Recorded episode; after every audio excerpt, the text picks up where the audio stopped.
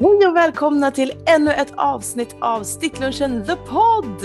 Jag heter Laura och vid min virtuella sida så har jag Josefin Tellborn och Marie Bemler.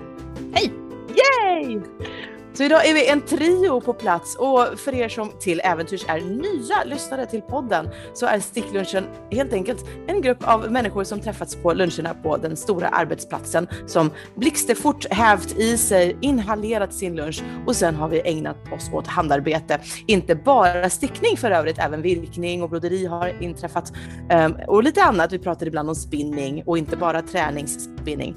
Men vi pratar såklart om mer än bara garnnörderi utan även som jobb, familj, relationer, dilemmor, allt möjligt. Kul och okul. Eh, och då tänker vi, sånt kan vi prata om även i en podd och då startar vi den. Så här är vi. Välkomna!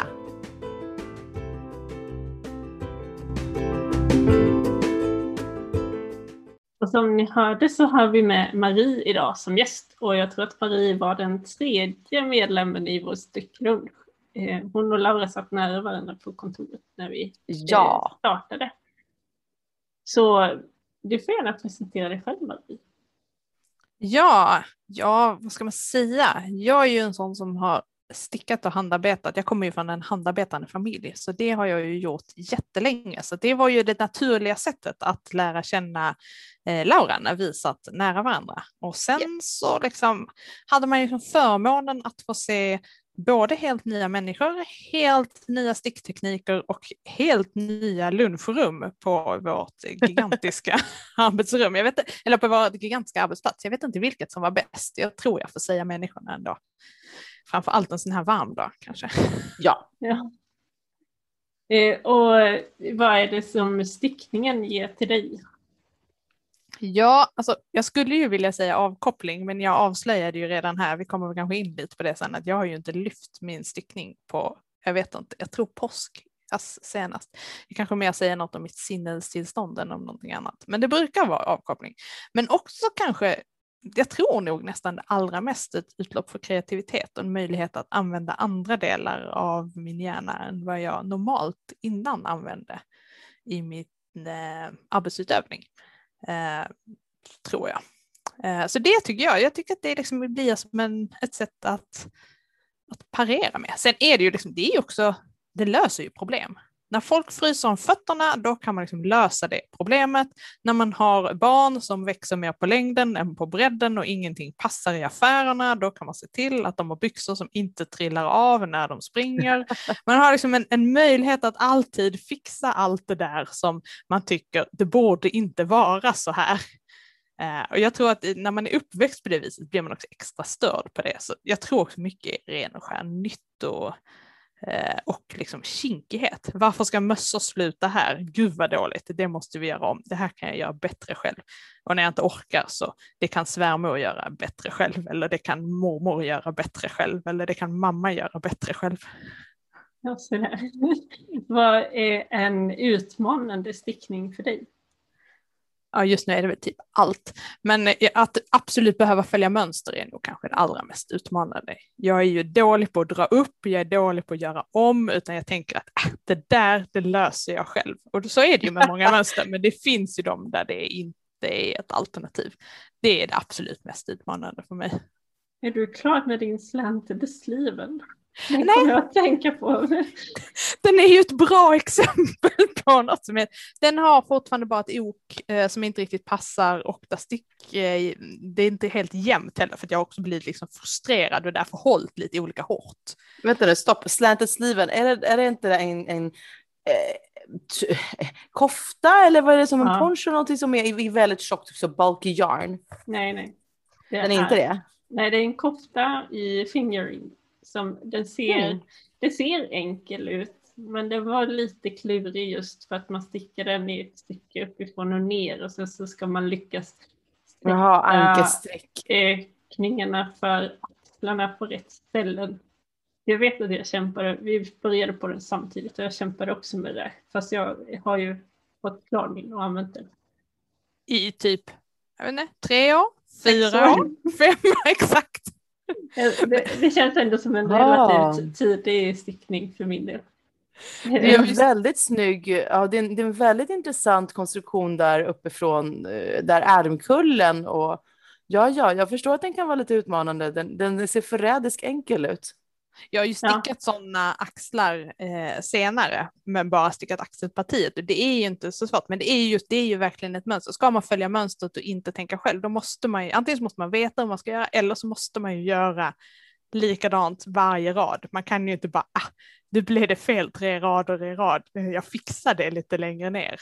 Det är ju då man har en, ett axelparti som ser ut som någonting mm. Picassos modeller skulle se fabulösa ut i. Och så ser min ut. Jag har till och med använt min så mycket att jag har lagat armbågarna på med lite garn. Ja. Ehm, men nu blir jag du... nästan lite sugen att dra upp den och börja om. Ja, den är en väldigt trevlig och användbar kofta. Ja. Men om du vill ha en avslappnande stickning istället, vad är favoriten då? Då lägger jag ju upp en eh, mudd och sen så stickar jag ju rät stickning upp till armhålorna och sen så delar jag på den och sen så gör jag sadelärmar eh, sen. Eh, det är ju min liksom, go-to. Då har jag inget mönster, stickar bara efter min egen kropp eh, och sen så, mm -hmm. så mycket rät stickning som möjligt. Eh, det gör heller ingenting om ärmarna blir lite olika långa för det är ju jag också. Då kan man också alltid bara stå lite snett när det behövs. Men så det är alltså rätstickning. Jag har så svårt så här rätstickning i plagg. Jag tänker att det töjer så mycket. Ja, nej men jag stickar ju runt så då är det ju, det blir, förlåt, slätstickning, men att jag bara stickar räta varv. Ja, okej. Okay. Mm. Så hänger jag. Ja, när jag stickar till barnen stickar jag mycket rätstickning. Alltså att jag stickar koftor på bredden istället och sådär. När, I alla fall när de var små. Nu börjar de bli för stora för det, just för att det mm. töjer sig. När, när de var små fyrkantiga enheter? Exakt, och när de liksom låg mycket ner. Så att liksom tyngdkraften inte gjorde så mycket jobb. Precis. Det är ändå inte så lång tid av barnens liv som de är i den formen och det läget. Nu hittade jag det mönster som jag trodde du pratade om från början. Det är ju Sleevy Wonder och den känns ju som att du borde ha kunnat kicka in sån eh, på tre timmar och fått den av, avhandlad uh, av Grace Akram. Och det är ju en, en så här poncho, eller e-, enärmad poncho typ. Ja, den har vi nog inte tittat på. Ja, den, verkar, den, den, den står på min så här, villhöver-lista. Har du någon klurig fråga Laura till Marie? Eh, har jag det? Nej, jag, jag, tycker jag känner henne så väl tänkte jag säga. Nej, men Marie, Marie är, är den personen som jag mest bara ger lite lösa tyglar och låter henne bara galoppera iväg med ett ämne. Och det blir alltid väldigt underhållande men också förvånansvärt fördjupat. Du kan ohyggligt mycket om, om de sakerna du yttrar dig om. Eh, så man får alltid bra, bra värde. Det var väldigt snällt sagt. Jag blir ju utsedd som, som årets killgissare eh, senast jag var och red. Eh, så jag vet inte, vi får se om jag kan leva upp till det. Jag har hittills inte haft några ridrelaterade frågor. Ja. Förlåt Josefin, vad sa du? Vad pratade vi om på ridningen då, eller? jag var red igen i en annan grupp. vi pratade om varför man hade nosgrimma eller inte. Eh, jag kom med ett gäng teorier. Jag tyckte ändå man var ganska tydlig. Om man slänger ur sig fyra i olika, då är det ändå ganska tydligt att man inte vet, tänker jag. Då hade man väl levererat ett svar. Jag kunde sagt så här, för att det som hände mig en gång var att hästen stod inte still när jag skulle hoppa upp och nosgrimman satt inte åt. Det slutade med att bettet var på sidan av huvudet istället för i munnen på hästen för att det liksom man drar tränset eh, snett. Ja, det var en ja. av mina gissningar.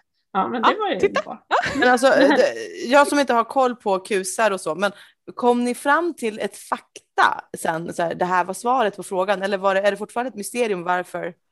det var kanske någon som slog upp det senare. Det var mer så här, det, frågan slängdes ut. Jag sa ja, det vet jag. Man skulle ju kunna tänka sig att och så la jag upp några olika och tänkte att någon annan kom. Det är väl ändå, det här är ju det roligaste med liksom, samtal tänker jag, när, man inte, när det inte är så noga. Det är skillnad när man ska liksom göra någonting som, får, som ska ha ett resultat eller när någon frågar en om ett råd eller när, man liksom, när någon ber en om någonting som får konsekvenser. Men när någon frågar så här bara, varför regnar det? Ja, det är väl inte så noga, det kan vi väl spekulera om här i grupp för att ha någonting att göra en kvart medan vi liksom Nej, borstar, sopar, städar. Wikipedia to the rescue. Det är ju, nu, nu, nu, nu måste ju det här, vad var det för fråga Marie? Nu vill jag slå upp svaret. Men Josefin visste ju. Nej, hon gissade ju också ju. Nej, jag, det har ju hänt mig. Jaha, du Det hade hände ju svar. för att jag inte hade spänt nosgrimman. Ja, Okej, men då har, vi, då har vi fakta. Ja. Är är det någon lyssnare där ute som faktiskt är ridmänniska som anser att Josefin har fel?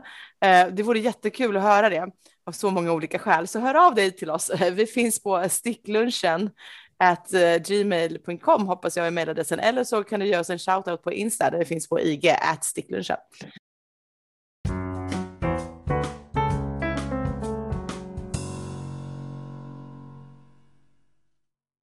Den stående punkten i varje sticklunchen The Pod är såklart vad har vi stickat på sen sist eller vad stickar vi på just nu? Det här är det avsnittet där Laura sitter och skäms för att jag sällan har gjort någonting och inte kommit någon vart. Och såklart så var det ju så att jag hade bara några få smaskor kvar på min vita återvunna eh, kashmirgarnströja sist eh, och ändå inte var klar då. Tänk vad kul det hade varit om jag hade kunnat bara annonsera någon typ av seger. Nej, den blev klar dagen efter. Och sen så hade jag lite, lite trådar att fästa och ingenting passar sig bättre än eh, det nya jobbets sommaravslutning med picknick ute på Humlegården. Att det är liksom tillfället att ta fram sin, sin stickade tröja och fästa de trådarna. Ehm, för, för det är ju viktigt att signalera för de nya kollegorna, titta här, jag är en stickare, titta vad fint. Eh, och jag kommer minsann att sticka på våra möten, så det är lika bra att ni vänjer er och därför gör jag det nu. Lite så tänkte jag. Eller hade jag kanske tänkt om jag inte redan hade druckit några glas rosé. Men jag blev klar med tröjan, det var era poängen. Ja. Fick du någon reaktion? Nej, men alla var tillbörligt imponerade och tyckte den var fin. Eh, och och ja, men strök mitt ego så mycket som jag behövde. Det var jättebra. Det, både tröjan och Ja. jobbet, kompisarna får godkänt av mig. Gud så skönt. Mm. Eh, det var ju eh, ett dramatiskt skede mot slutet må jag säga. Lite ga- yarnchicken. Eh, trodde jag. Det var ju spänt. Alltså, det, var, det var verkligen på millimetern när. Så när jag väl slutade sticka på den så hade jag liksom två ärmar som satt ihop med en centimeter garn däremellan och det här skulle jag liksom klippa och fästa den lilla garn millimeter, den som kan räkna på fingrarna, eh, förstår ju hur mycket det handlar om. Eh, det var alltså på håret och tyckte jag, som sagt dramatiskt. Eh, jag fick till och med repa upp kanten en gång för att som, verkligen få eh, som, garnet att räcka. Sen när Ja, jag tar på mig tröjan så inser jag att ja, men armarna blev något långa ändå. Så jag har ju typ två centimeters som jag skulle kunna repat upp. Och, och då har jag det fortfarande som option känner jag. Så om jag någonsin ledsnar på de här alltför långa armarna så kan jag alltid korta av dem. Och det är bättre än att ha för korta armar. ja, ja. Det Ja. var bara så roligt att du skickade den bilden på två färdigstickade armar med en centimeter emellan till mig och Sofia och vi bara hon är inte klok. Det där går ju inte att fästa. Vi vet att du brukar fästa med väldigt korta trådar men det där var det går inte. Jag, jag, jag, jag vill så gärna säga att du har fel, men eh, jag tror faktum är att det fortfarande sticker ut små, små garnstumpar där. Att jag alltså inte har fäst dem ordentligt, just de bitarna. Men alla andra garnstumpar är fästa. Ja, men det kanske fortfarande blir så att jag kommer repa upp dem och göra en bättre mun. Men, men både du och jag och ni lyssnare vet att det kommer inte hända. Nu är den tröjan klar i min värld och så är det, punkt. Den blev jättebra och den blev så där tight och härlig eftersom jag gjorde ärmarna väldigt, väldigt eh, formnära. Ärmarna är tajta och jag provade då denna eh, och nu var det här alltså i början på juni Mm um, som det här hände och det var när dagarna började bli varma. Det kändes som det utmärkta tillfället att då prova denna jättehärligt mjuka underbara kashmirtröja och prova den med andra stickade plagg ovanpå för att se hur kan jag bäst kombinera det här. Så där stod jag och hade en liten modevisning i vardagsrummet i så här gassande solsken och så här plus 20 grader. Rätt tillfälle att prova de här yllekläderna. Eh, men kontentan är följande. De passar så himla bra med den här ponchon med ärmar som jag Ja, stickat en i rött och en i grönt. De kommer göra sig utmärkt med den här, eh, den här vita tröjan under. Oh my god vad jag längtar efter att det ska bli kallt och, och ruskigt väder bara för att ta fram den här, den här igen. Eh, och som sagt även min shifty kommer göra sig jättebra i höst. Eh, jag ska bara gå ner några coronakilon men eh, ja, det känns bra att säga så just nu den här helgen som har haft så här 26 plusgrader gassande solsken. Jag har legat på en brygga och solat. Um, Och då häver jag sig, jag längtar till, till vinter. Jag kommer få äta upp mina ord, säkert om bara några dagar. Ja. Vad sticker du på just nu? I, oh, ah. eh, så, eh, berusad av min seger här i Jarnchicken-racet så tog jag fram silkesgarnet som införhandlades på eh, Lisa Kvarn, eh, vad det, Lingarns garnbilen. Lin, Lisa Linkvarn heter hon. Hon mm. har gjort ett eget garn, 100% mullbärssilke. Och så håller jag på att sticka nu en ojämnt jämn av Jenny Penny. Och jag köpte hennes kit för några år sedan och stickade sjalen i de kalla turkos, grönt, ljusblå färger. Jättevacker sjal. Eh, fantastiskt mönster. Jag kan inte nog eh, sjunga dess, eh, vad, vad, sjunger man? Dess lov. Mm, nu då så tänkte jag lyxigt silkesgarn, varma sommarfärger, rött, orange och gult, eller höstfärger kanske, men skitsamma. Alltså fina, glada, ljusa, varma färger. Varm silke passar sig bra till stranden, så där som vi diskuterade, vad är bra att sticka på när det är varma sommardagar? Jo, silke. Så där kom, kommer den, äntligen så stickar jag rätt typ av plagg i rätt årstid. Härligt! Den blir jättefin. Titta vad vackert den blir. Jag håller upp den för kameran. Superfin. Det kan man ju säga att det är tvärtom mot vad jag gör. Vad stickar du på? Jag stickar på jackan Gryten i 100% ull. Och den börjar bli så pass stor nu så att det värmer liksom lite. Det är nästan dags att sätta ihop liksom ärmar och kropp och börja minska. Så det är ju något jag ser fram emot. Men är det ändå perfekt för väldigt, väldigt sena sommarnätter? Nej, det blir riktigt, det blir inte så kallt i vårt hus. Nej, det stämmer. Fast utomhus menar jag. Sitta ute. Nu blir man ju uppäten av mygg. Ja, du behöver sån där liten manick. Som värmer upp en liten mojäng och så jagar det iväg myggen. Må hända.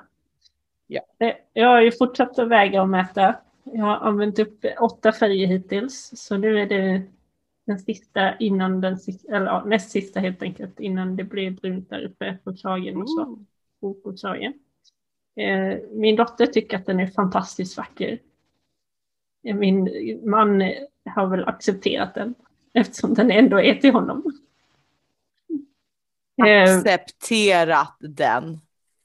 Ja, rent färgmässigt, jag tror att eh, själva modellen och så är utmärkt. Och just det här ja, okay, att den bra. blir extra lång bak så att han slipper frysa om ryggen när det glipar mellan byxor och tröja. Mm -hmm. När han byter däck på bilar och sånt där. Det tror jag blir jättebra. Härligt.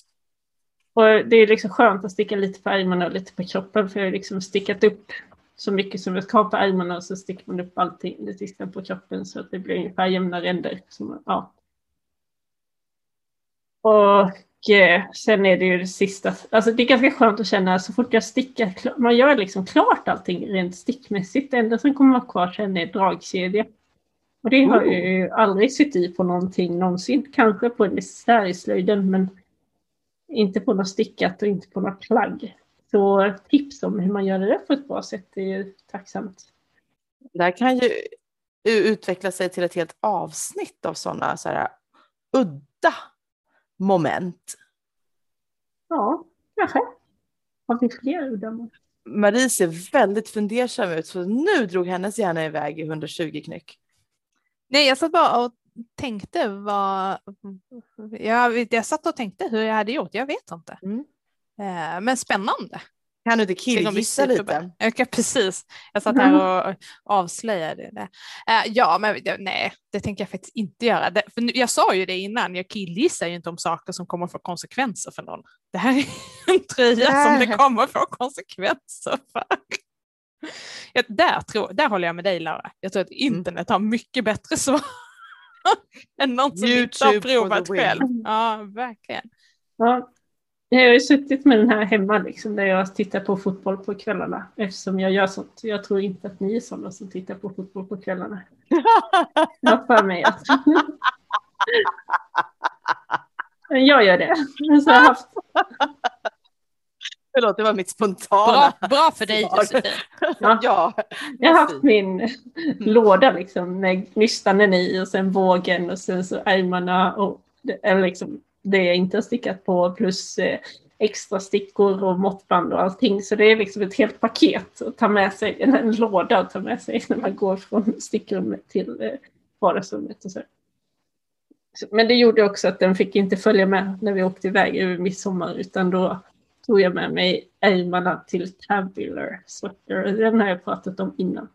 Mm. Men det var så, då behövde jag inte tänka något. Då behövde jag bara ha koll på att jag skulle öka lite då och då. Och det är sticket 2,75 så det räcker ju en evighet att sticka på.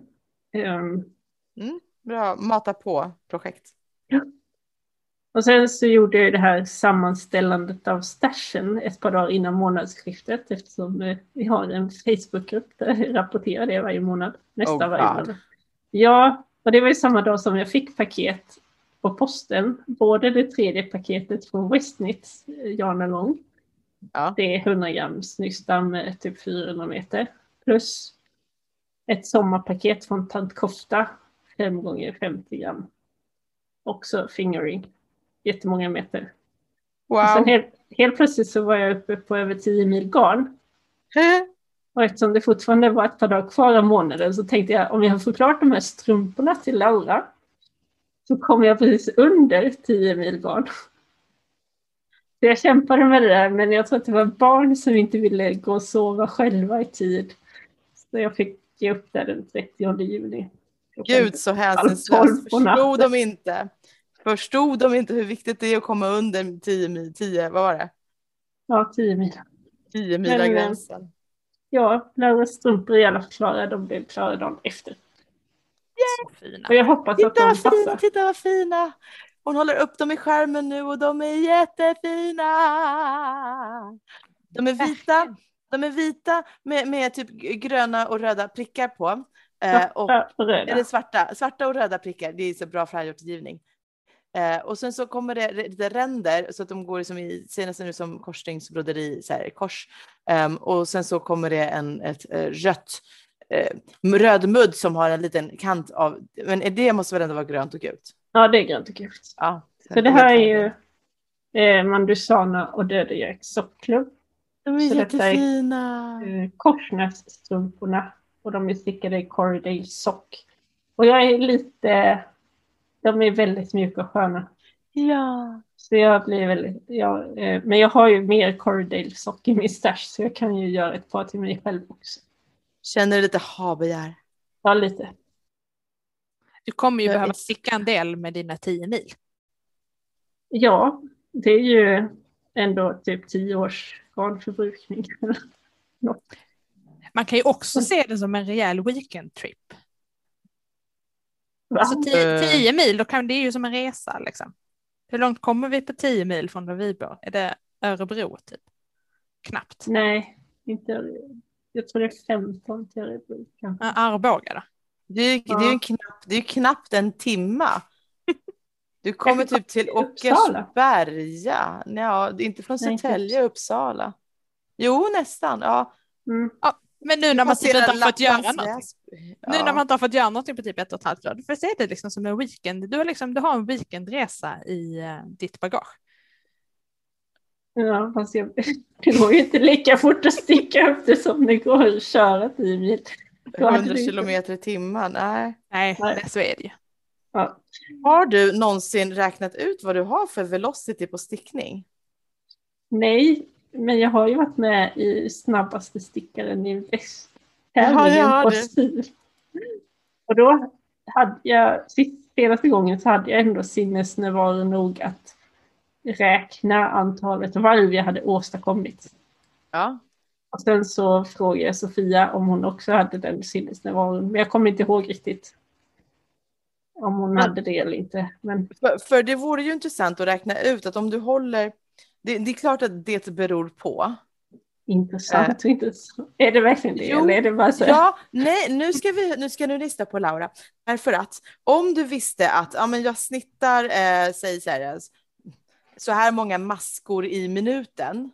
Uh, och det blir nog bra så här, genomsnittligt värde, för ibland så upplägg och, och, och avmaskning och liksom specialmasker och jada, jada, jada. Men om man räknar på uh, genomsnittlig slätstickning så, så vet du att om jag har så här många masker per minut, då vet du ju också hur, ungefär hur många maskor per meter. Och då kan du räkna ut hur länge du ska sticka för att sticka upp dina 10 mil. Eller så tittar jag på Ravelry där jag kan räkna ut snittet, hur många meter jag gjort av med per år. Och sen så ser jag att det tar tio år. Sak. Jo, det är svårt att veta hur du ska öka din sticktid. Liksom. Hur mycket behöver du gå ner i tid på jobbet för att sticka av om du skulle vilja öka hastigheten? Eller liksom vilken typ av, hur många familjemedlemmar behöver man ge upp? Eller liksom vilken annan hobby behöver man knuffa över kanten? Eller är det äta du ska sluta med? Liksom, vad... Sova är väl ändå det första man offrar i allt det här. Ja, jag tänker att det här är osunt. Det kanske är bara bättre. Hon bara var nöjd med sitt garn. Eller, ja, eller fortfarande bara att veta, det här kom, du sa ju att det kommer ta mig tio år och det är ju vad du räknat ut på hur, hur mycket din stash går åt. Men ja, alltså jag hade velat, gärna velat haft den som relaterat till så här, maskor per minut. Men du kan räkna ut det för din stash, det är lugnt. Kaddish. Men så intresserad är jag inte. Marie, hur går det för dig? Vad sticker du på? Alltså om, nu ska liksom, om vi nu ska liksom kasta tillbaka skiten där den hör hemma, så min stash är ju inte lika stor, men den rör ju inte på sig, så det är väl ungefär ett likartat problem. Eh, jag har ju då eh, stick, jag stickar på ett par vantar och då tänker man, åh herregud, vem vill sticka på vantar när det är 26 grader? Ja, det, det vill den som börjar sticka på sina vantar till påsk och ännu inte är klar. Det är liksom två tummar kvar på de här vantarna. Eh, så att de har ju liksom vilat sig i form kan man säga. Men mönstret heter Återsta Eh, och kommer från Järbo Gans, det här svenska ullpaketet, som de, eller paketet, mönsterhäftet som de släppte där någon gång i vintras när jag mm. kände att jo men eh, jag, jag får nog ändå lov att köpa, jag hade ju en eh, idé om att jag inte skulle köpa något garn under hela coronapandemin. But why? Jag menar om vi ändå är bestraffade av omständigheterna, varför lägger sten på böran? Det, det, det där förstår jag inte. Vad är det för martyrbeteende? Nej, men det var ju det här med att jag hade liksom, jag har ju också en, en ganska stor stash eh, som just nu inte är nummergiven av just den anledningen som jag sen försökte lätta bördan på Josefin på, att det inte skulle vara mentalt, det skulle, jag skulle inte må mentalt bra av det. Eh, så eh, den är liksom ganska stor och då kände jag att eh, nej men nu behöver jag vi jobbade ju också ganska lite förra våren. Då tänkte jag men nu så är det dags att beta av den där och då måste jag, om man inte betar speciellt fort, då måste man sluta och så mer gräs. Så det var liksom lösningen. Och då kändes det som att jag ville inte säga så att ah, jag ska inte köpa gran på ett år för det kändes jobbigt. Och då kändes det mer som att om jag säger jag ska inte köpa gran på hela den här perioden som jag inte vet hur lång den kommer att vara. Det skulle kunna vara jättekort, det kan vara jättelångt. Det kändes lite mer som en gamble. Och det var roligare än att liksom sätta en tid. Eh, därav. Eh, och jag har ju faktiskt nästan hållit det då, bortsett från de här 100 grammen, som jag faktiskt ändå nästan har stickat upp måste man ju säga. Det är de där tummarna och de skulle man ju kunna sätta. Man kan ändå tänka sig att de kanske blir färdiga under semestern. Jag tycker att det är en rimlig, jag har ändå tre veckor. Eh, det borde kunna bli två tummar på det. Eh, men sen så har jag också, jag har ju redan haft lite semester i år och då tycker man att då borde man ju ändå ha lagt upp någonting. Eh, jag pratade ju med våra andra stickpodden Eh, kompisar och sa att jag har eh, släpat runt 200 eh, gram norsk ull, det finns fler i stashen, som jag köpte när jag var fjällvandrare för två år sedan. För att jag tänkte att jag skulle lägga upp det i en sån här enkel, ja men vara ute och gå tröja i mm. tvåtrådigt varmt ull. Grön är den också, jättevacker, mossgrön. Eh, så tänkte det här, det här blev perfekt. Så den packade jag ner när vi åkte till Gotland dagen efter skolavslutningen. Eh, den kom hem utan att ens ha blivit eh, omgjord till eh, nystan. Mm. Så sen packade jag ner den när vi åkte och fjällvandrade en vecka och tänkte att nu, nu är det, där är ändå kallt. Vi hade 12 grader och snösmältning. Så jag tänkte det här blev perfekt. Den hade fortfarande inte blivit nystan när jag kom hem efter en vecka. Eh, och sen nu har jag varit på jobbmäster hos mina svärföräldrar tillsammans med min äldsta dotter i en vecka. Eh, och den är fortfarande inte ens nystan. Så att, eh, vad kan vi säga att det går uselt i stickläget. Men här, jag tycker ändå det är väldigt vanligt att man åker på semester, att man tar med sig sina projekt Eh, och semestrar med projekten, inte för att utveckla projekt utan bara för att lufta dem. Eh, och då tycker jag nästan att det gör väl ingenting. Du kunde liksom bara tagit fram dina hävor och lagt dem på en stenbumling och tagit en bild av dem. Du vet så här, som man gör ibland med sin trädgårdstomte när man tar med sig den på semester det, det, hade ju ändå varit fint, för det var det som, som vår eh, kompis Rebecka på stickningen sa, att, att inte sticka på sin stickning under semestern, det är lika illa som att inte ta ett enda, barn, eller ett enda foto på sina barn under semestern. Jag tyckte att det var en fantastisk liknelse över negligeringen som jag har eh, åstadkommit. Men, jag men det hade att... väl ändå kunnat toppats med att inte ta några bilder på barnen, inte sticka på projektet, men däremot ta bild på garnet. Det, det hade det väl hade... ändå varit det, det ultimata ultimata dissningen av, av, av allt liksom. Ja, nej jag har inte gjort någonting av det mm. alls. Mm. Men eh, jag vet inte. Det blir nog bra. Jag tänker om jag åstadkommer de två tummarna eh, och så kanske jag bär runt på det andra ett par veckor till så får man väl vara nöjd med det. Men Rebecka har ju lite bärsjalar hon kan tipsa om. Precis. jag har nog våran kvar också kanske. Skulle ja. vara härligt. Det är också det man längtar efter i den här värmen. och bära runt på lite ull. Kära, kära ull. Ja. Kära ull. ja, just det. På tal om men jag kom på, jag har gjort klart en sak till. Mm. Den här tröjan, eller t-shirt more or less, som jag teststickat på jättelänge. Ja, men som det. äntligen har släppt. Och det jag gjorde så fort den var klar och innan den ens hade torkat, för att jag plötte upp den på lördagskvällen och sen på söndagen så åkte vi till eh, Stockholm stadion och tittade på hästhoppning. Och jag är ju lite novis, jag har inte varit på stadion innan och jag tänkte mig inte för riktigt här, med sol, vilken riktning det är och så vidare. Så jag bokade platser längst ner. Så det var sol hela dagen. Och jag hade den här, det var ju alpacka och silkesblandning. Så det var ju, jag tror inte det hade spelat någon roll vad man hade haft på sig för kläder för svetten rann hur som helst. Det var många gånger insmörjning av 50, solfaktor 50 och eh, hatt och eh, solglasögon och munskydd. Mm. Och så satt vi där och tittade på hästhoppning, jag och dottern. Det är kärlek till sporten.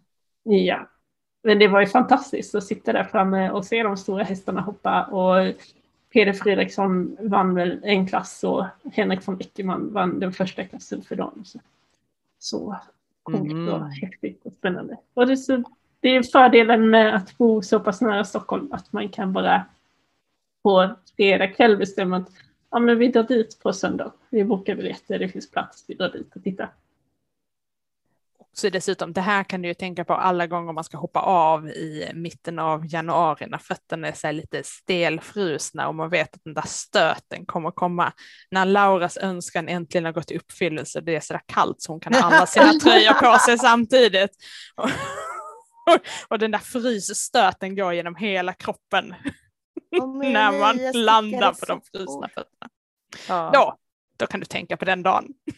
Ja, men jag tycker gå in och kolla in den här more or less på Ravelry om ni vill ha en trevlig sommartopp som Anna Dannersen har. Eller så kan man väl kolla lite grann på tv-sändningen från den, den hästshowen. För, ja, för, för ryktet förtäljer att man kan se en liten, blå, en liten blå figur som skymtar i bakgrunden där bakom hästarna.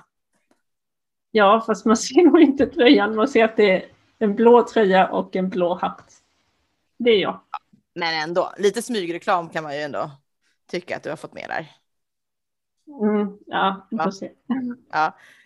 Eh, på tal om smygreklam, eh, ett av skälen till att jag faktiskt fått lite eh, några meter undanstickade av den här nya sjalen, det är för att jag satt och lyssnade på eh, ljudböcker. Jag har ett, en prenumeration på en tjänst som heter Scribed, scribd.com. Eh, som, ja, men jag lyssnar ju mest på engelska så jag har inte känt mig särskilt intresserad av att skaffa Storytel och Next, eller Story vad de heter. Um, och Audible är, är, ju svindyrt och Amazon Unlimited kan man inte skaffa i Sverige om man inte fixar ett VPN, vilket du kommer göra, jag lovar, men inte ännu. Um, men Scribe gick alldeles utmärkt. Och en av de här böckerna och serierna som jag ramlade över hette, heter Knitting in the City. Det är liksom lite grann Sex and the City, fast den heter Knitting in the City eh, och handlar om just i, i tur och ordning var och en av de här tjejerna i det här tjejgänget som samlas på tisdagskvällar och stickar tillsammans. Och jag bara, det kändes så härligt. Det kändes så rätt. Det var verkligen min bok. Och så sitter de och kommenterar liksom, ibland lite, lite av och till så, så, så nämner de så här, ja nej, men det var det här med torskgarnet som du köpte. Eller så är det så här, en scen där två tjejer är inne i en garnbutik och klappar på garn. Eller så är det den här Eh, referensen till Yarnhardet, ah, nej, men Stephanie McPhee, uh, Stephanie Pearl McPhee någonting, någonting. Och jag vet vad det här handlar om. Jag får liksom taktila associationer till garnet eller visuella till mönster och grejer de diskuterar. Och, ja. Det var eh, avsnittets boktips. Ja, Knitting in the City of Penny Reed.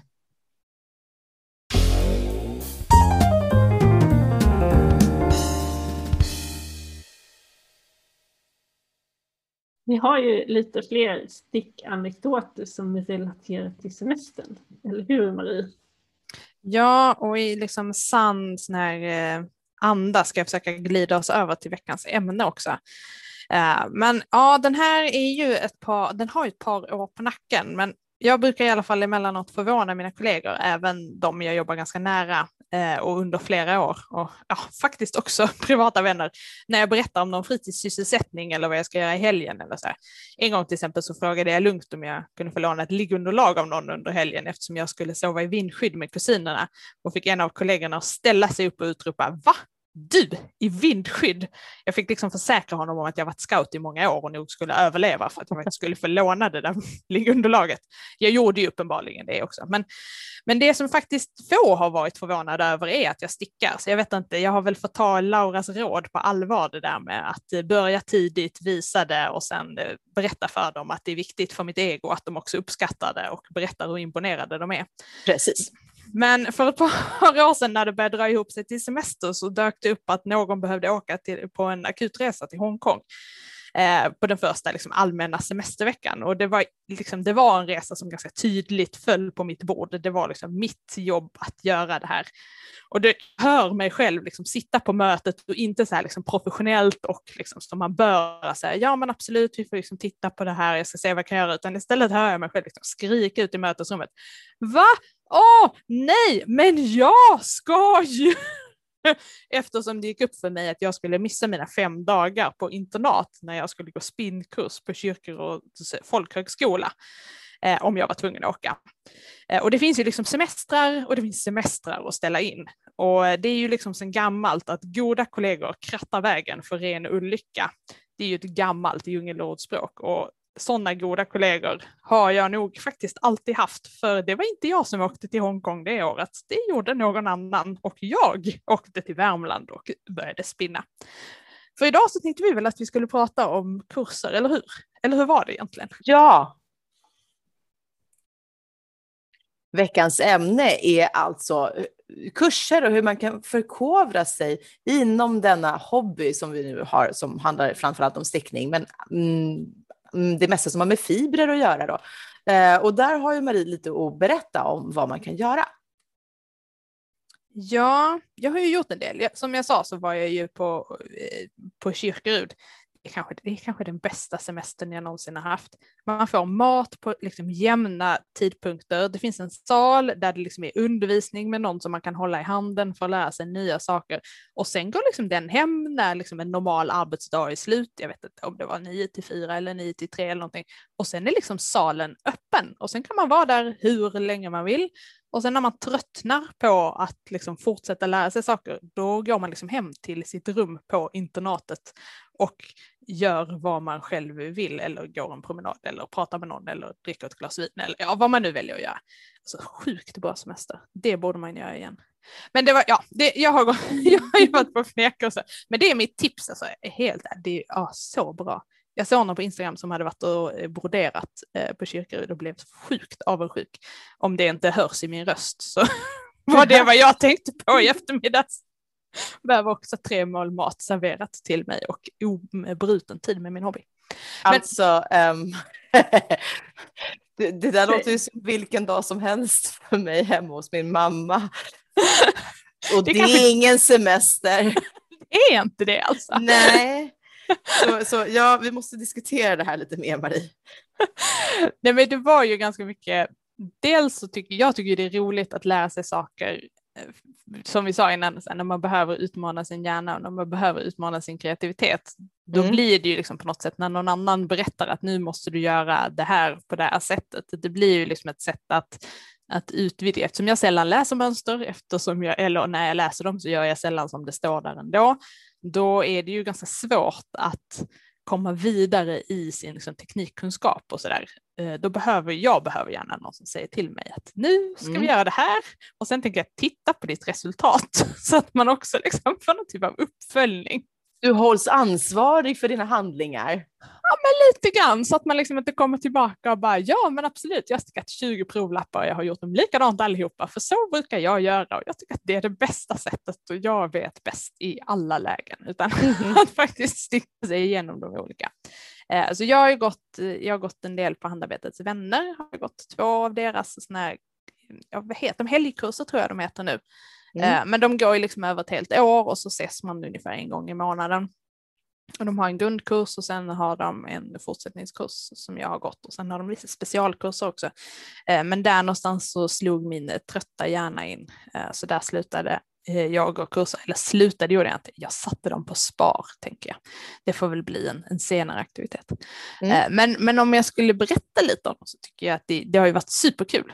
Den, framförallt grundkursen stickar man ju jättemycket provlappar, alltså verkligen jättemycket. Man stickar igenom alla uppläggningar, alla avmaskningar, man stickar igenom spetsmönster, man stickar igenom lyfta masker, man stickar igenom och så får man liksom sådana här kompendier och så är det liksom ja, men 20 olika varianter på allting. Och sen så gör man liksom en del tillsammans och sen så får man liksom hem, gör resten. Och sen stickar man sig igenom två en stickning, man stickar sig igenom ja, men alla sådana där saker som jag bara tittar, knapphål, allting sånt som jag bara tittar och bara, mm, ja, men jag har ju mitt favoritknapphål.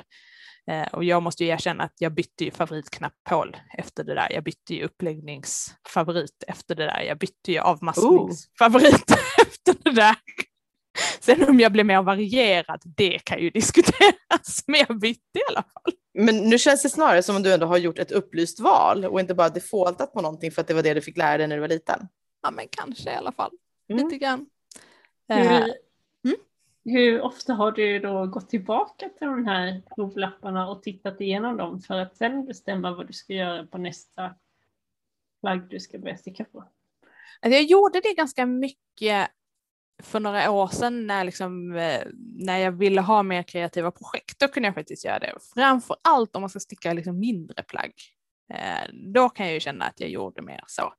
Ja, men typ när jag väntade mitt, eh, mitt andra barn och jag skulle sticka, eller skulle sticka, ville sticka väldigt mycket småkläder. Det var ju liksom optimalt, för då kunde man ju plocka fram så här, bara de här fem axlarna som man hade provstickat där eh, slanted sleeve-varianten var en av dem och bara Mhm. okej, men vilken av de här vill jag faktiskt göra? Eh, för eftersom barnen är, som vi sa innan, fyrkantiga så spelar det inte så stor roll, de kommer ju se ut som inslagna kolor i alla fall, så det kan man, då kan man liksom ha kul under tiden istället. Eh, så att då kunde jag, skulle jag ju säga att jag ändå gjorde det en del. Eh, säger vi liksom de senaste två åren när jag har ägnat mig åt liksom slätstickning, då eh, ja, not so much måste jag säga. Då har jag ju liksom hållit mig till min favoritresår och sen bara ruts, uppåt. Om den första kursen handlade mycket om alla sådana varianter, så vad gjorde ni under den andra kursen? Andra kursen är mer konstruktion, så då stickar man mer axlar, mer eh, knappkanter. Eh, vad gjorde man mer? Eh, ja, men alla, man stickar liksom sig igenom alla de olika momenten, olika, eh, eh, både liksom halsringningar, nackar, eh, ärmsly, ärmkullar, Eh, den typen av liksom saker som man, alltså det är ju egentligen samma sak som man, om man verkligen stickar sig igenom väldigt många olika mönster och sen bestämmer sig för att liksom börja sticka sina egna koftor, då har man ju fått samma typ av utbildning egentligen skulle jag säga.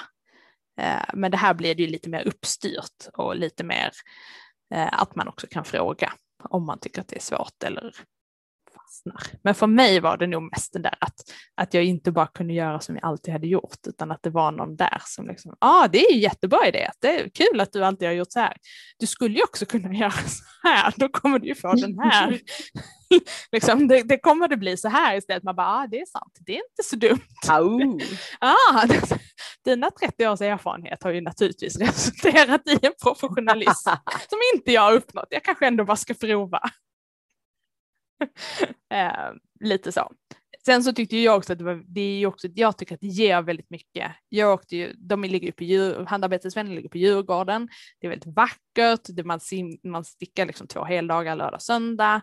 Eh, så för mig blev det ju liksom som någon slags liten minisemester där man liksom tog tåget in på morgonen, var där två hela dagar, eh, ägnade sig bara åt stickning de dagarna eh, och sen åkte man liksom hem. Så det blev ju också ett sätt att liksom bryta av det man gör annars. Så det kan väl jag också överlag tycka så här med att gå en kurs eller någonting sånt, att om man verkligen gör det och går in för det så blir det ju som ett ja, men ett sätt att öppna liksom, ett annat rum i sitt huvud eller att eh, besöka en annan plats eller liksom att, att öppna upp för någonting annat. Jag tror aldrig jag har varit så kreativ och så sugen på att göra andra saker som när jag satt där och stickade mina provlappar. Det liksom sporrar ju verkligen. Ja, jag kan göra det här. Ja, jag kan göra det här. åh, jag kan göra det här. Jag ska börja de här 17 provlapparna först. Sen ska jag göra det här. Sen ska jag göra det här.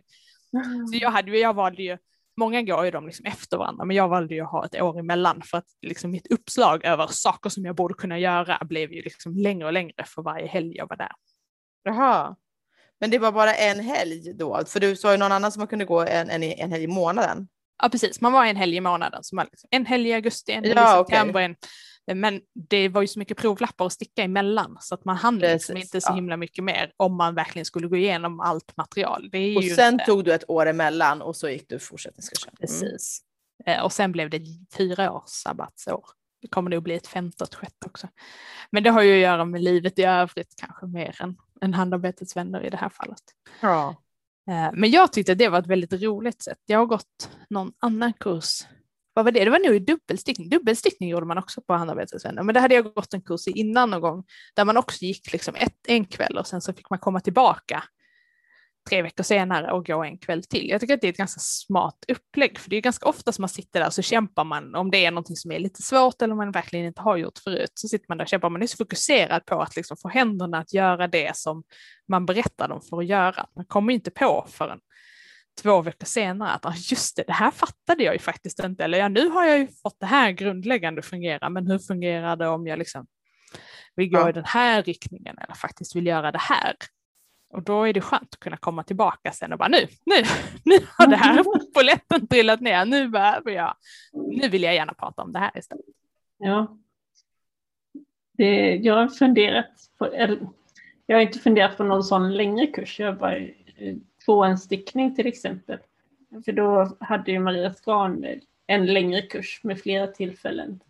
Och sen så hittade jag en kurs på en eh, garnbutik i Stockholm som är, led, är nedlagd nu. Eller den kan också ha återuppstått fast någon annan som driver den. Men eh, hon, då var det bara en kväll så det var ju liksom lite lättare att få till en kväll än flera kvällar. Eh, så jag gick den i alla fall. Men jag tyckte, eller för mig så räckte det ganska bra att få till det. Men sen så gick jag ju också hem och fortsatte att sticka ett par vantar på eget förmåg. Men det, du har en poäng liksom med att just det, att få möjlighet att komma tillbaka och tänka lite till och komma på vilka frågor det var man hade så man slipper sitta hemma och lösa det själv. Jag tror mycket också det är dels liksom vad man är i liksom sin stickning och dels hur man är i liksom livet i, i alltså vad man vill få ut av det. Liksom vill man få ut det så här, men jag vill ta mig till när jag gick de här på, på Handarbetets vänner, då ville jag väldigt jag vill ta mig till nästa nivå. Jag vill liksom inte bara kunna göra saker, utan jag vill kunna göra dem så att de blir precis som jag vill ha dem jag vill liksom tänka mer på textur och vad det blir och så här. Jag vill inte bara behöva leta upp ett mönster som ser ut som jag hade tänkt som jag sen ändå inte läser och sen så, så hamnar jag i någon typ av resultat. Där jag vill sitta och tänka så här vill jag att mitt resultat ska se ut och sen vill jag liksom själv var makt, ha makten över att se till att det hamnar där ut, oavsett vad någon annan har tänkt eller inte tänkt. Och för mig så behövdes, liksom, då behövdes ju det här liksom nötandet av de olika delarna för att liksom ta mig dit i min liksom, kunskap på något vis. Men om man här, bara vill liksom prova sig något nytt eller få en ny influens, då är ju liksom en kväll perfekt och sen fortsätta på den tekniken och sen sticka lite med. Jag tror att, eller jag tänker att alla sätt är liksom lika bra. Jag tänker att man tränar ju lite på samma sätt. Det finns ju de som liksom lär sig springa egna maraton, det finns de som läser en bok och gör det, det finns de som, och sen så finns det sådana som jag som måste ha någon som ringer typ varje gång och bara har du gjort ditt pass? Inte för att liksom jag inte fattar vad det är jag ska göra, utan för att om ingen liksom kollar att jag har gjort det, då kommer det bara aldrig hända. Så att jag tror också att det är lite, ja, vilken plats är man i livet och hur är man som person på något sätt. Ja. Det, eh, det finns fler fortsättningskurser också då? Ja, det finns en, det finns en hel sån här i tvåhandsstickning också. Jag är supersugen på den, för tvåhandsstickning var en sån grej. Det hade jag aldrig provat själv. Alltså, dels hade jag inte provat det, men jag hade, jag hade ju bestämt att det där är ju ingenting för mig. Alldeles för lång tid, det är alldeles för pilligt, det där kommer jag ju inte gilla. Och sen så stickade jag och tyckte att det var jätteroligt och framför allt så kanske det jag kom fram till var att jag kanske inte behöver producera så mycket stickade plagg. Det kanske är bra att det tar lång tid. För då blir det ju liksom saker som man verkligen använder och jag behöver ju inte 48 stickade tröjor. Det är kanske bättre att jag har två stickade tröjor som jag verkligen använder istället och har tagit en tid. Alltså om mitt ja. mål med mitt handarbete är att mina händer ska få arbeta, då är ju två tröjor som verkligen används bättre än 40 tröjor för att 40 tröjor känns som en prestation. Liksom. Och det, ja, det var också en sån där grej som jag kanske inte hade kommit fram till själv. Inte för, jag tänker att det kan man komma fram till på en sten, men för mig behövdes det liksom någon typ av uppstyrd verksamhet. Liksom. Mm. Ja, men det känns som att man i sticklunchen har kunnat följa flera personer när de har kommit igång och börjat sticka och hur man har utvecklats på olika sätt. Fast det är ändå som att vi har följt lite samma spår i dels eh, här, hur mycket man känner att man ska producera, hur mycket garn man köper för att man har lust innan man börjar bromsa in lite. Mm. Och um, just det där hur svårt eller lätt man har för att repa upp någonting som inte känns helt okej eller hur det är flera personer som har tatt, gjort den här resan och så har man fått följa med och jag har ju gjort en liknande resa för jag menar jag satte igång liksom på allvar med stickningen i slutet av eh, 2012. Och då köpte jag på mig ganska mycket garn och den har ju, stashen har ju vuxit och vuxit men sen så har man ju börjat få koll på det lite mer. Och just eh, att man handlar på annat sätt. Mm och även liksom hantera Ibland så kanske man blir stressad för att det är mycket session och att man vill lägga upp så mycket olika saker. För sen så känner man ah, att jag kan ta en sak åt gången och jag kan ändra mig. Det här garnet behöver inte bli det jag tänkte att det skulle bli när jag köpte det för fem år sedan. Och ja, men det är flera personer som har liksom haft den utvecklingen också. Mm jag tror att det är lite så också att man Dels så tror jag att hjälp, och det är också, det är ju både kurser och saker som sticklunchen, att det hjälper ju en att förstå genom att titta, dels genom att titta på andra och dels genom att prata om sig själv så inser man ju också att okej, okay, det här är ju kanske inte, det här var kanske inte ett sunt sätt att prata om det här. Jag kanske inte ska mäta det här på det här sättet. Om jag gör det här för avkoppling, då kanske jag inte ska mäta resultat. Gör jag det här för resultat, ja, då är det ju bra att mäta resultat. Liksom. Man måste liksom på något vis inse varför gör jag det här och sen hantera det där efter liksom. Och mm. också mm. sådana saker som att ja, men om jag alltid stör mig på att tröjor är på det här viset, ja då kanske jag ska sluta sticka dem på det här viset. För titta hon där borta, mm. hennes tröjor är ju inte så, hon gör ju inte dem på det här viset. Då kanske man liksom, ja. jag kanske ska prova det sättet istället. Att det blir ju också ett sätt, det, det accelererar ju den typen av insikter när man inte är själv. Alltså det här blev ju verkligen en så reflektion kolon och introspektion. När jag sitter och funderar på, ja men varför stickar jag? Vad har jag för sån där tror Vad har jag för, för syfte med det här? Varför sitter jag här och skapar en, en silkessjal? Och, och, så blev jag lite orolig, så här, oj nej, men tänk om jag inte har något bra skäl till det. Och sen så kommer jag fram till, men det har jag ju. Men så är det ju. Och ibland är ju liksom skälet så enkelt som att ja, men jag ska på ett bröllop och då vill jag ha den här på mig. Eh, och det är ju liksom, eller jag fryser om fötterna, jag behöver de här, de här skorna är för stora och jag behöver ett par strumpor i dem och de jag har är fula till min kappa. Alltså det är ju, ibland är det ju verkligen resultat man ska åt. Och då är det ju bra att det går fort, tänker jag.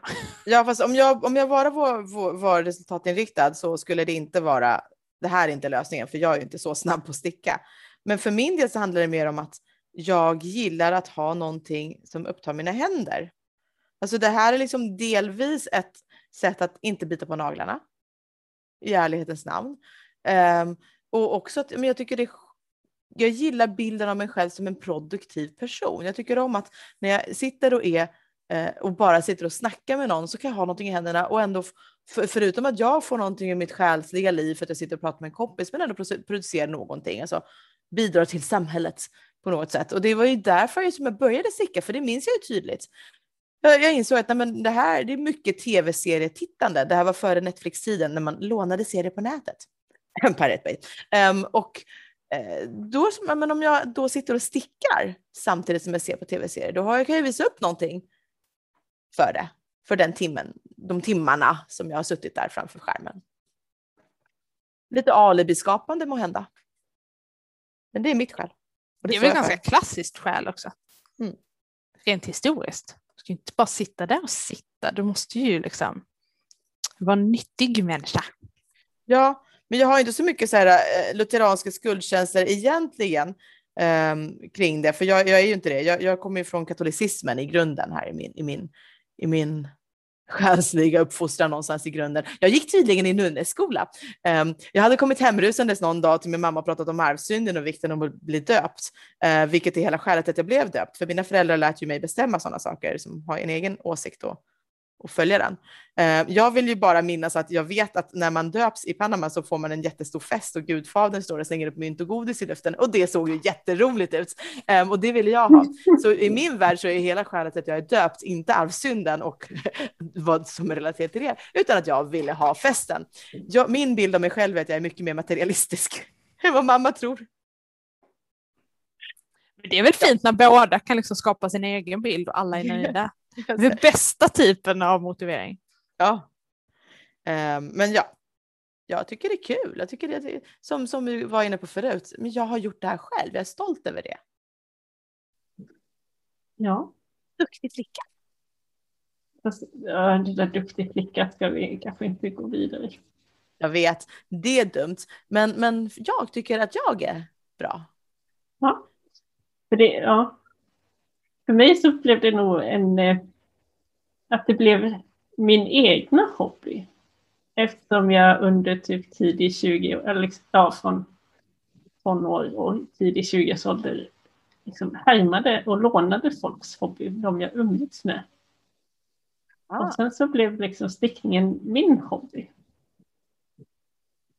Och det kändes ju faktiskt väldigt bra att ha en som man själv var intresserad av och utvecklades i och nördade ner sig i. Och så, så fick jag er som kompisar också. Det är ju bara dubbel plus på den. Bonus! Ja, men det är det ju verkligen. Det är ju en sån grej man kanske inte, eller jag hade ju inte räknat med det när jag började sticka på ingenjörsutbildningen för att hålla mig vaken. För det var ju anledningen till att jag plockade upp det igen. Att jag liksom tog med mig det här arvet som jag hade hemifrån. Det var ju oerhört tråkig mekanik i jättestora salar. Jag bara, jag kan inte, jag kan inte oh. vara den som sover. Jag måste Mäcken. ha någonting att göra här. Jag börjar sticka. Ja, det är bra. Jag, jag, jag, valde med flit en trea i mekanik. Innan dess så var jag så här, en absolut minst en fyra, helst en femma i betyg. Men jag tog medvetet en trea i mecken för ett, det var en kass föreläsare, eller som vi sa till de yngre studenterna, helt okej. Okay. Men alla vet att helt okej okay betyder kass. Um, uh, så jag gick bara på övningarna. Det var, det var en helt okej okay asse och han var på riktigt helt okej. Uh, men istället så drev jag ju kaféet på, på industriell ekonomi på Teknis. Vi gick med vinst. Det var en jättebra, ett jättebra år för kaféet. Ja, men du ser, vi var alla produktiva genom Exakt. mekaniken. Exakt, mekaniken driver oss till produktiva sysslor. Jag vet inte om jag kan vara med på den, men jag kommer inte ihåg så mycket av den. Jag har inte sysslat med den sedan dess heller. Nej, gud vilken tur att det var. Tur att det mänsklighetens överlevnad inte bygger på att just jag presterar i den, tänker jag. Jaha. Det är tur att det finns andra som gör det. Märkligt nog, alltså hållfastheten med styva balkar och grejer, men den, märkligt nog så är de kurserna från tekniskt som jag har haft mest nytta av, de kurserna som vi på den tiden betecknade som flumkurser, för de var så märkliga. Det var så här, eh, det här bevingade uttrycket från eh, en kurs där de sa fakta är inte, fakta blir. Bara en sån grej, man glider upp där som säg 20-åring och så bara tror att man ska lära sig nyttiga praktiska saker, komma ut i arbetslivet och bli en produktiv medborgare. Och så kommer man in på en kurs där de pratar om sådana här grejer som fakta är inte utan fakta blir. Och så ska man stå och begrunda det här uttrycket och bara vad innebär det här egentligen? Nu, 20 år senare, åh fan, ja, så, så, så, så tycker jag att de här kurserna är de jag har haft mest nytta av. För den insikten, att fakta är inte utan fakta blir, den har, man ju, den har jag ju levt på och använt mig av och haft den som, som nytta av att eh, kunna i, använda mig av det för att ifrågasätta vissa saker och ting som där folk bara säger att det här är vedertagna fakta. Och då har jag haft styrkan att ifrågasätta det. För jag vet att men fakta är inte, utan fakta blir. Fakta blir det för att folk är överens om att det här är en sanning. Vi pratar om våra olika världsbilder. Mamma tror att fakta, jag är döpt för att jag var rädd för arvsynden. Min fakta är, jag vill ha fest. Um, så ja, flumkurserna är ändå bäst.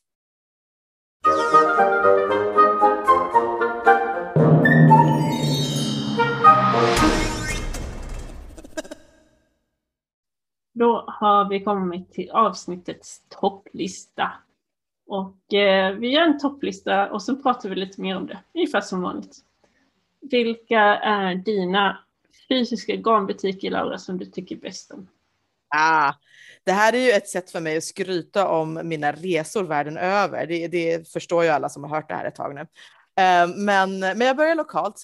Eh, den, den butiken som jag mest besökt på sistone, det är nog eh, Litet Nystan på Söder. De har ju bytt lokaler och jag har inte varit i den nya, eh, den nya lokalen på Folkungagatan sedan de öppnade där. För det skedde ju mitt under brinnande pandemi, jada, jada, jada. Eh, Men för, likväl så, så det lever kvar som min go-to-lys, som man kallar det, local yarn store. Men, men sen så har jag ju väldigt mysiga minnen av två andra garnbutiker. Ehm, och, och då tycker jag kan hävda det, om jag varit på ett ställe två gånger eller fler, då kan man ju säga att jag brukar gå någonstans, eller hur? Mm. Både Maria och Josefin ser bara lätt överseende ut med mig. Vi kör på den, för Ja. din skull.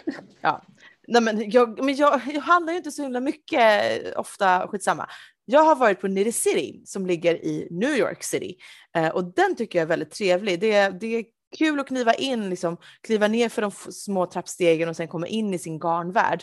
Eh, och jag, jäm, jag jämför ju ändå Nitty City med en annan som heter Pro Soho som också ligger liksom, lite längre ner på ön på Manhattan. Den är lite mer opersonlig tycker jag. Den är liksom lite mer klinisk och lite mer butik-butik. Medan Nitty City är lite mera myshörna som också säljer garn. Ehm, så ja, den kan jag faktiskt varmt rekommendera. Eller vad säger du Josefin? Ja, eh, visst. Jag tyckte att bägge de två var väldigt trevliga när vi var där. Mm. Men den andra som jag tycker väldigt fint om, den har nog tyvärr gått i graven, men det är en garnbutik som finns i Opelika i Alabama. Eh, och Opelika, det är liksom systerstaden till den något större staden som heter Auburn, som är en typisk så här, sportnördstad där man bara bryr sig om sin collegefotboll och alla är klädda och går omkring i som, lagets färger och accessoarer och har dekaler och alltså, de, bryr sig bara om fotboll. Och är man då inte en sportnörd och bor i Auburn, då tyr man sig lite snabbt över till Opelika som är den lite mer kulturella staden där de har typ en teater, hurra, um, och lite mer konsthantverk och då denna garnbutiken då på den tiden. Ehm, och det blev liksom dagis eh, för Laura när jag hälsade på min vän som bor i Auburn så kom, kunde hon bara parkera mig i den här garnbutiken på morgonen medan hon körde iväg och jobbade sina så få timmar som möjligt då eftersom hon hade besök från utlandet. Och sen så plockade hon upp mig där i slutet av sin arbetsdag och där satt jag då fortfarande i glatt stickandes på någonting eller hjälpte till att inventera någonting i butiken eller hjälpte till att färga garn för hon sålde ju som egenfärgat garn hon den föreståndarinnan. Eller så satt jag med på deras em, kurser och, och liksom cirklar, stickcirklar med lite folk och bara umgicks. Um, och det är härligt när det finns en butik där man bara kan parkera sin kompis och sen plocka upp henne som dagis. Um, så det, den heter um, The Yarn House Studio i Opelika. Men nu tror jag ägaren har gått i pension i Florida. Så som så många amerikanska pensionärer gör. Ja. Och vad säger Marie, vilka är dina favoriter? Alltså jag försöker ju förtränga mina favoriter då av tidigare nämnda anledning. Eh, men jag tänkte, jag ska svara två eh, affärer tänker jag. Dels så tänker jag på Tantulda i Lund och det har väl kanske alla som hör min dialekt kanske kan gissa att eh, Lund är ett ställe dit jag behöver åka med jämna mellanrum och som då också behöver fyllas med någon typ av liksom semesterkänsla. Och då blir det lite mer semester när man får gå till sin garnaffär och eh, eh, handla någonting som man inte behöver. Det ingår ju liksom lite grann. Eh, så då tänker jag Tantulda. Eh, men jag, den som kanske egentligen mest där jag kanske har handlat störst påsar utan att behöva någonting och den som av tidigare nämnda anledning puttar mig över kanten för att hålla mig vaken på mekaniken är nog faktiskt Ylletyll i Uppsala. Mm. Eh, den eh, ger mig både massor med inspiration, den är supermysig och sen är det väl liksom kanske bara det helt enkla anledningen att jag känner mig 15 år yngre, för det var väl då jag började gå dit. Eh, och det tycker jag också är värt att betala för. Det, är liksom, det plussar ju liksom på oss på så många nivåer, tänker jag. Mm eh, så det får väl liksom bli mitt svar. Annars tror jag kanske att jag handlar nog ganska mycket när det är typ ja men fårfest i Kil eller mässor eller sådär. Eh, det brukar vara då jag liksom puttas över kanten och milen växer i skåpet. Uh, jag känner igen mig i den. Att på senare år så har det varit mer så semester och festivaler. Och på tal om semester så var vi uppe i Rättvik över midsommar. Så då på torsdagskvällen, eller på torsdagen så gick jag till Garncentrum i Rättvik. Och det är typ min lilla semesterbutik som jag går till och det kom med lite sockgarn hem.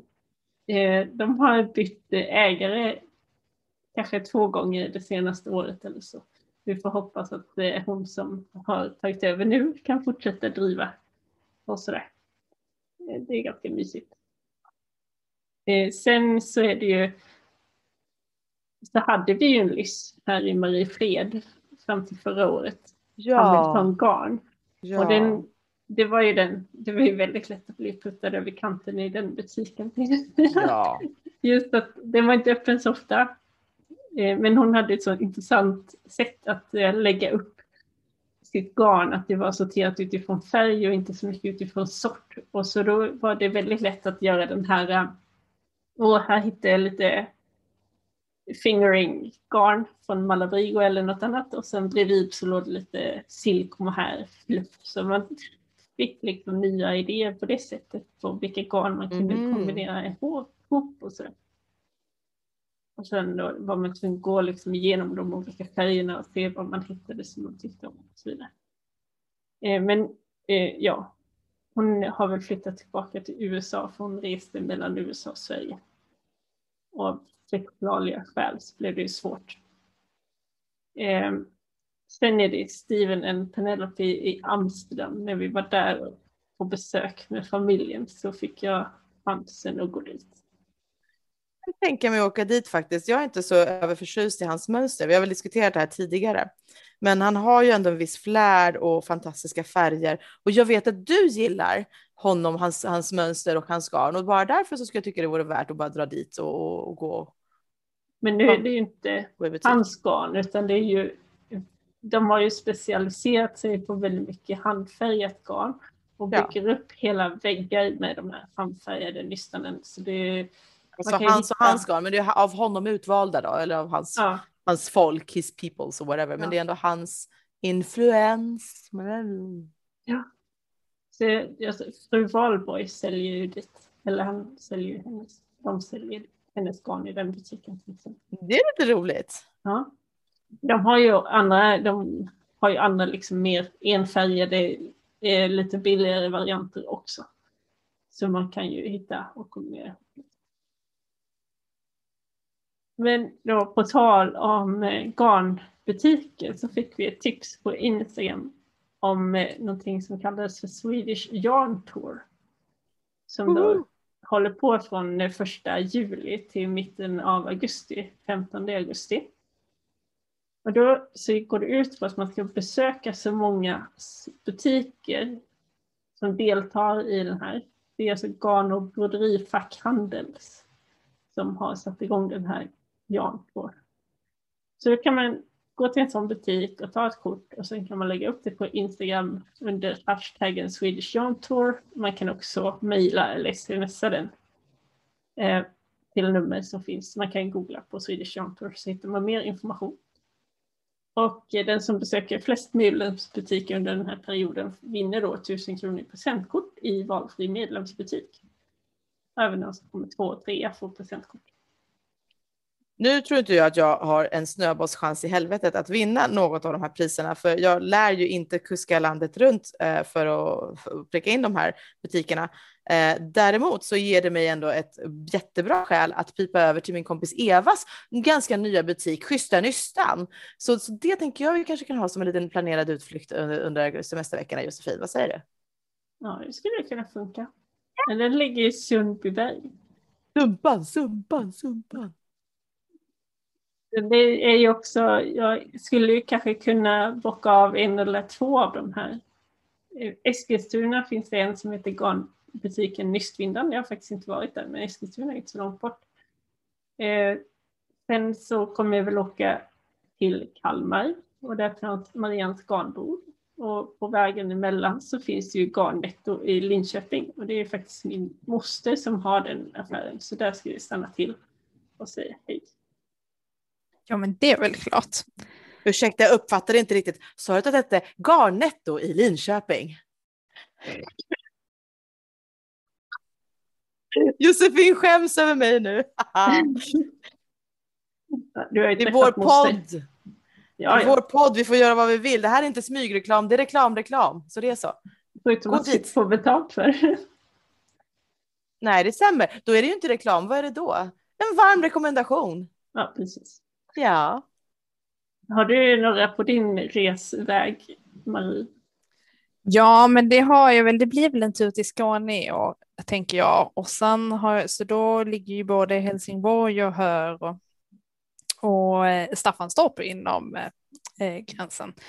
Eh, men sen så, och i i Karlstad kommer jag ifrån senast idag faktiskt. Men det är ju det här, det är ju inte slut på coronaåret än, så jag tror faktiskt att min, eh, mitt eh, garnskåp får hålla sig låst. Åtminstone så måste jag ha stickat de där tummarna innan jag överhuvudtaget ens får gå förbi skyltfönsterna tror jag. Det får ju liksom finnas någon gräns. Kan man liksom inte klämma ur sig två par tummar på tre månader, då får man faktiskt inget mer garn tror jag. Men eh, ett par tummar tar ju inte mer än två dagar. Nej, det borde väl inte ens ta mer än en kväll tycker jag. De är ju dessutom rätstickades. Jag vet liksom inte riktigt. Ja. Vad, vad hette hashtaggen sa du? Sa du? Eh, Swedish Yarn Tour. Okej, men det måste vara på Insta, för om jag bara googlar det så händer ingenting. Eller det blir, jag fick en massa andra eh, träffar. Jag, jag gör det på Insta. Det är i alla fall www.gbfh.se Swedish Yarn Tour. GB. Garn och broderifackhandel. Ja, Där nu, nu blev det träff. Perfekt. Alltså Marie. Marie. Ja. Så här går det till. Du besöker en medlemsbutik som deltar i sy. Du hittar dem här på listan och så tar du kort på dig själv i butiken och lägger upp på Instagram under hashtaggen hashtag Swedish Yarn Tour. Eh, och tagga gärna butiken. Eh, och det är vad man ska göra. Sen är det upp till dig och dina skamkänslor hur mycket pengar du spenderar där. Ja, men jag gillar ju också att du tror att jag har den typen av liksom självbehärskning. Men kan man inte se det då som, som så här, immersion therapy? Mm, Jag tror inte jag är redo för det, Laura. Jag försöker bara eh, fint Allt och varsamt har- coacha dig till lite mer personlig utveckling. Nej, men allt det här har ju fungerat av att man typ inte har fått lämna kommungränsen. Det är ju inte så att min liksom mitt garnstopp hade fungerat om jag hade levt ett liksom vanligt liv. Det här har ju ingenting med min liksom motståndskraft eller min förmåga att hålla mig härifrån. Det har ju att göra med att jag avinstallerade alla sociala medier i julas och inte har gått ut. Det är ju så man ändrar ett beteende, inte med hjälp av någon typ av liksom förmåga. Men det var fint att jag trodde att jag hade en. Det, känns, ja, det kan jag leva på en ja. vecka i alla fall. Ja.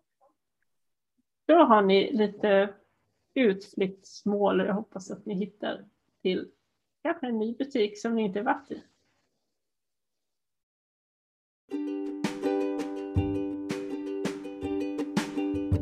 Då har vi kommit till slutet på det här avsnittet av Sticklunchen The Pod och idag har vi gästats av ingen mindre än Marie Biemler. Hon ler lite glatt. Och Idag pratade Marie lite grann om hur man kunde förkovra sig och vidareutbilda sig i sin fantastiska hobby här som vi har. Så spana in de kursställen som, som hon nämnde. Och är det så att ni vill eh, bara veta vad vi har pratat om utan att sitta av hela den tiden, då kan man ju alltid bara glida in på de show notes som vår kompis Sofia brukar sammanställa. Och de hittar man på den här facila adressen på sofiastickar 325 040038.wordpress.com. Vi kommer säkert länka till det också från vårt Instakonto där ni hittar oss på sticklunchen och ni kan såklart dra iväg ett mejl till oss på sticklunchen gmail.com. Det är det ingen som har gjort hittills, men vi väntar glatt på det första mejlet livet. Um, och med det så säger Josefin och Marie, vad säger ni tjejer? Ni säger hejdå! hejdå! Och jag säger också hejdå. Tack för idag och vi hörs på nästa.